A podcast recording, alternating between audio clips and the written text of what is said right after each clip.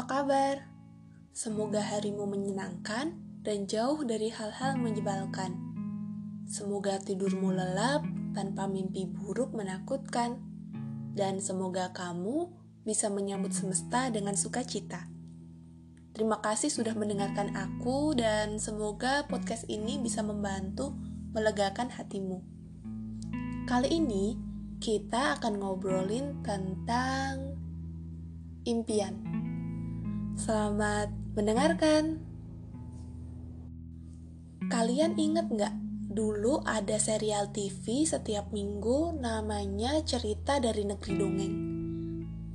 Tokohnya ada Oki, ada Ratu, ada Nenek Sihir, dan ada Nirmala. Serial TV ini biasanya juga ada di majalah Bobo.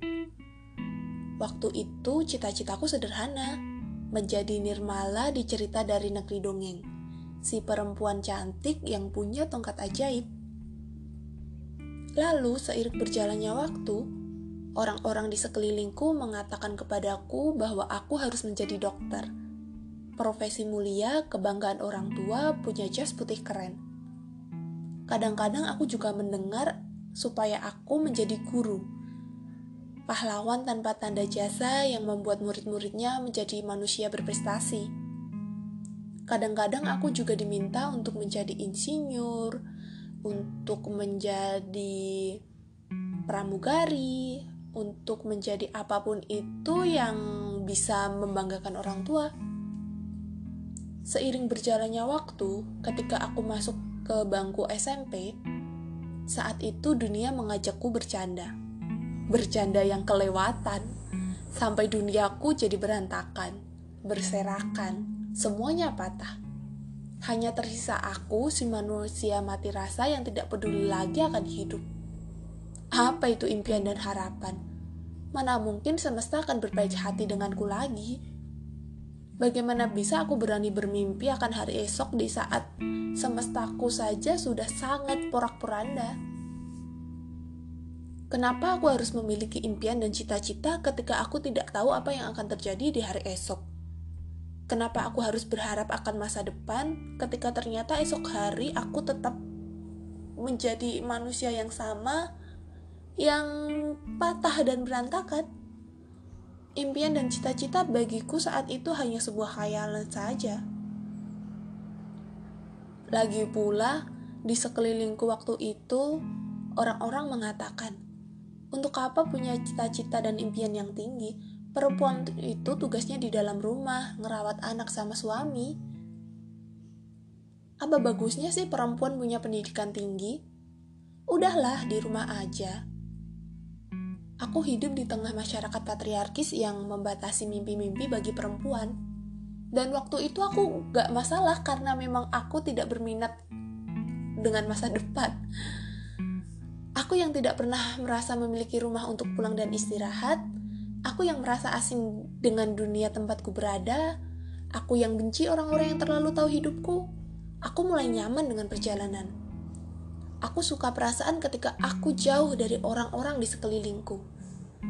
Aku suka perjalanan, meski tahu bahwa aku tidak pernah memiliki rumah untuk pulang.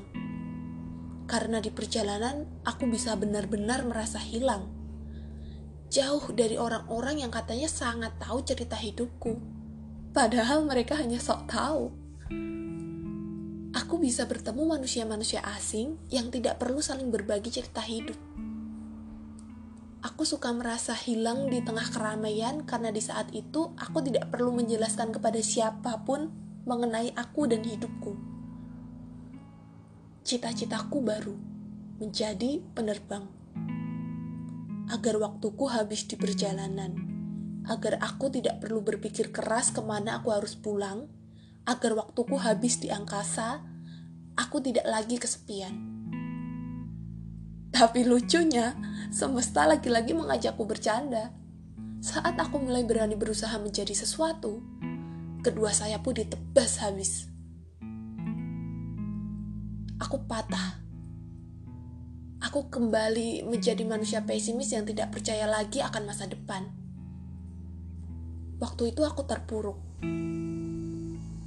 ditambah kata mereka, semua berhak menggapai misinya, mimpinya masing-masing. Kamu akan bisa meraih mimpimu tergantung dari usahamu. Kamu hanya perlu kerja keras, jangan jadi pemalas. Di lain sisi, tetap ada suara-suara yang mengatakan bahwa perempuan tidak harus menjadi perempuan sukses di masa depan karena nanti ujung-ujungnya kamu di dalam rumah memakai dasar merawat anak. Jangan berani-beraninya bermimpi tinggi karena kamu perempuan. Aku pecah.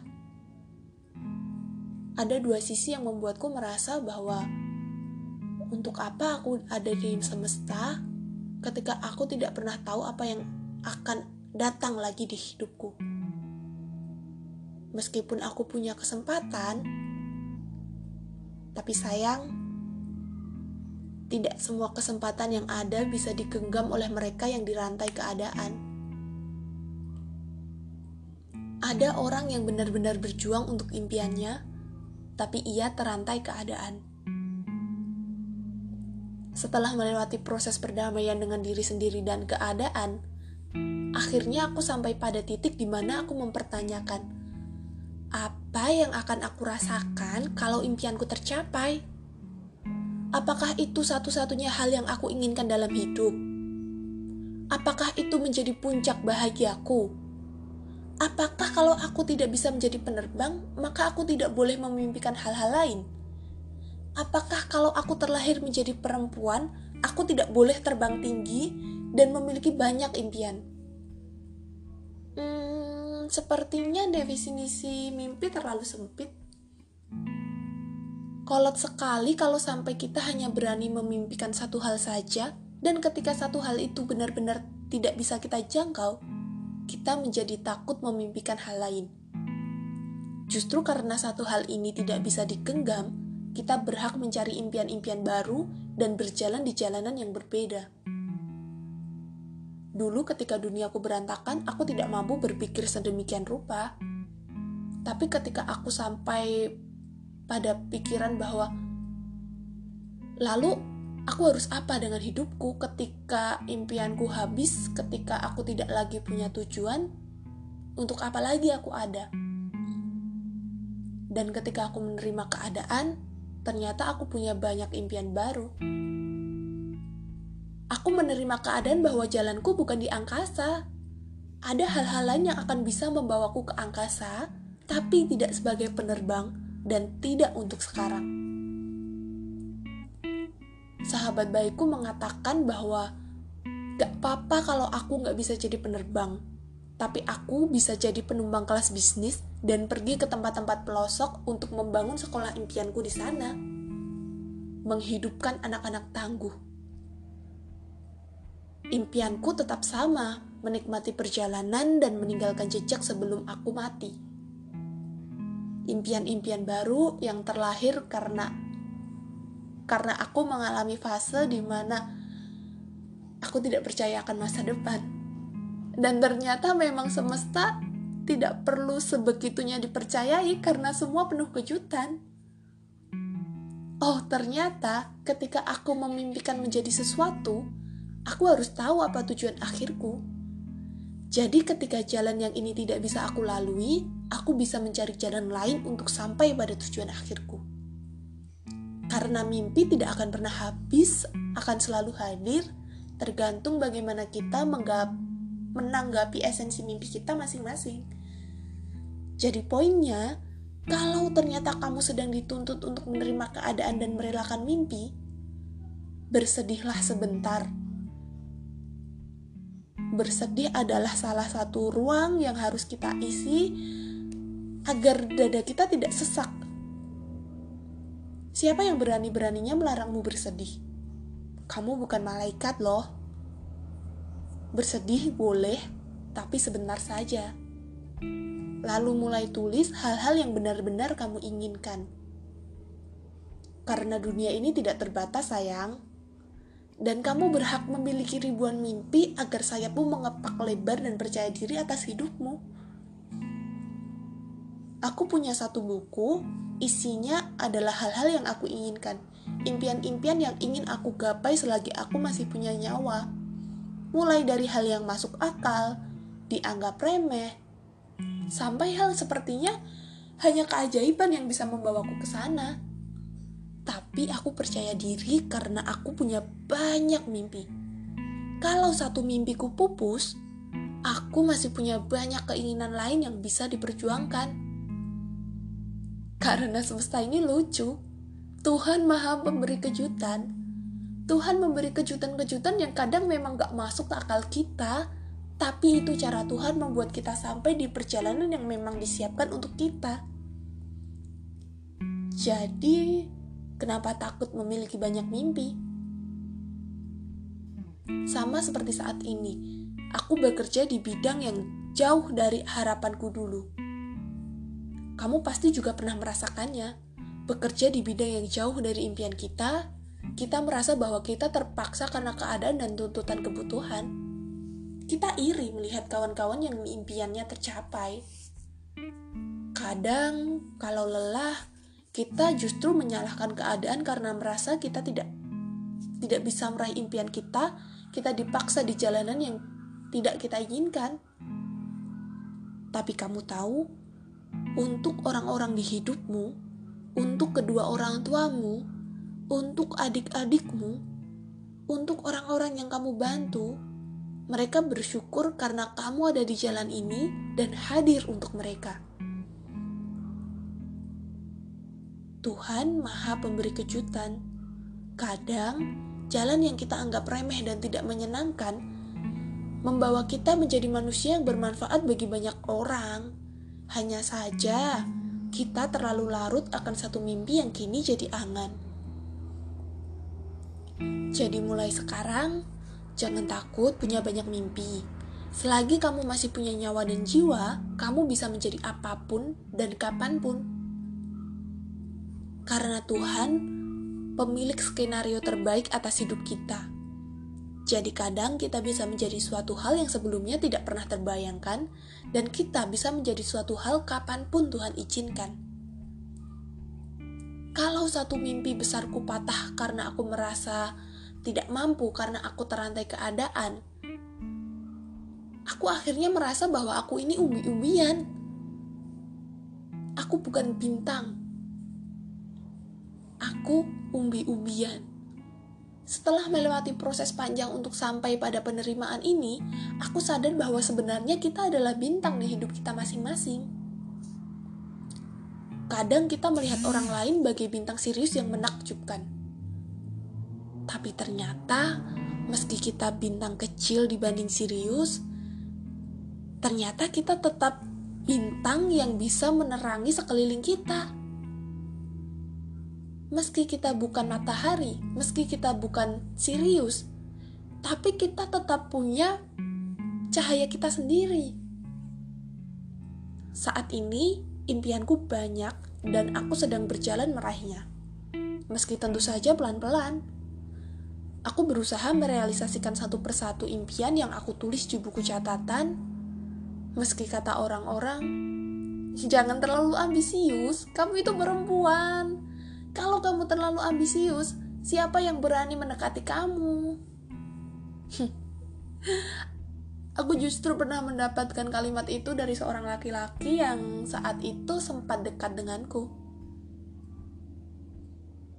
Jangan terlalu bosi, perempuan bukan kepala rumah tangga. Biarkan laki-laki punya perannya, kamu itu gak boleh terlalu mengatur, gak boleh terlalu mendominasi. Kamu pernah mendapatkan kalimat itu? Kalau pernah, segera pergi dari tempat itu. Karena perempuan berhak memiliki mimpi dan berhak menjadi tuan atas dirinya sendiri. Setiap hari, meski sedikit demi sedikit, aku menyiapkan diriku untuk bisa menjadikan nyata hal-hal yang aku harapkan hadir di hidupku. Meski kata mereka, ngejar apa lagi sih kamu itu? Perempuan kok pengen terus-terusan jadi pemimpin? Kamu itu perempuan, Pikirin kapan kamu nikahnya. Usia udah segitu juga. Padahal menikah dan impian seorang perempuan adalah dua hal yang berbeda. Kamu bisa menikah sembari kamu meraih impianmu. Kamu bisa menjadi ibu sembari kamu meniti karirmu. Karena aku tahu tidak ada batasan untuk orang-orang bermimpi. Apa pun situasinya, ia berhak dan harus berani bermimpi. Meskipun aku perempuan, yang kata mereka tidak berhak bermimpi tinggi karena pada akhirnya tugasku adalah di dalam rumah merawat suami dan anakku. Ya, tentu saja memang itu peran perempuan ketika nanti aku menikah di dalam rumah. Tapi meski begitu, tidak seharusnya gender menjadi alasan kita tidak berani bermimpi. Kita perempuan, kita berhak bermimpi. Waktu itu, ketika aku sedang tidak percaya diri dengan hidup, aku mengajak bertemu sahabat baikku. Kita bertemu di salah satu coffee shop Lalu di tengah perbincangan aku tanya sama dia, menurutmu aku di beberapa tahun ke depan gimana? Dia diam sebentar, lalu dia melihatku dan menjawab, Berapapun usiamu, kamu akan terus mengupayakan agar mimpimu menjadi nyata. Itulah kenapa aku paham kalau kamu menginginkan orang yang berada di sampingmu adalah dia yang bisa mendengarkan berisiknya pikiran-pikiranmu pikiranmu itu berisik. Aku tertawa. Ternyata dia sangat mengenalku. Dan ini kenapa aku selalu memastikan orang-orang di sekitarku adalah orang-orang yang tidak toksik, yang yang mereka justru harus bisa memberikanku vibes positif. Karena mereka yang aku butuhkan ketika sedang tidak percaya diri menghadapi hidup. Kamu juga ya. Gak apa-apa kalau kamu bersedih atas mimpi yang belum kamu raih. Gak apa-apa kalau sekarang kamu di jalan yang jauh dari ekspektasimu dulu. Jangan takut punya ratusan mimpi di tengah pesimisnya orang-orang melihat kamu. Pastikan kamu paling tidak punya satu orang saja yang bisa mendengarkan berisiknya pikiranmu dan menggebu-gebunya impianmu. Melangkah saja pelan-pelan, nanti kamu tetap akan sampai kok. Hanya saja lagi-lagi kita serahkan semua pada Tuhan dan semesta. Karena Tuhan maha pemberi kejutan dan pemilik skenario terbaik. Semangat ya. Gak apa-apa kalau bersedih. Tapi jangan terlalu lama. Jangan lupa makan nasi padang karena hidup ini kadang memang melelahkan. Terima kasih sudah mendengarkan aku, dan sampai jumpa di episode selanjutnya. Bye.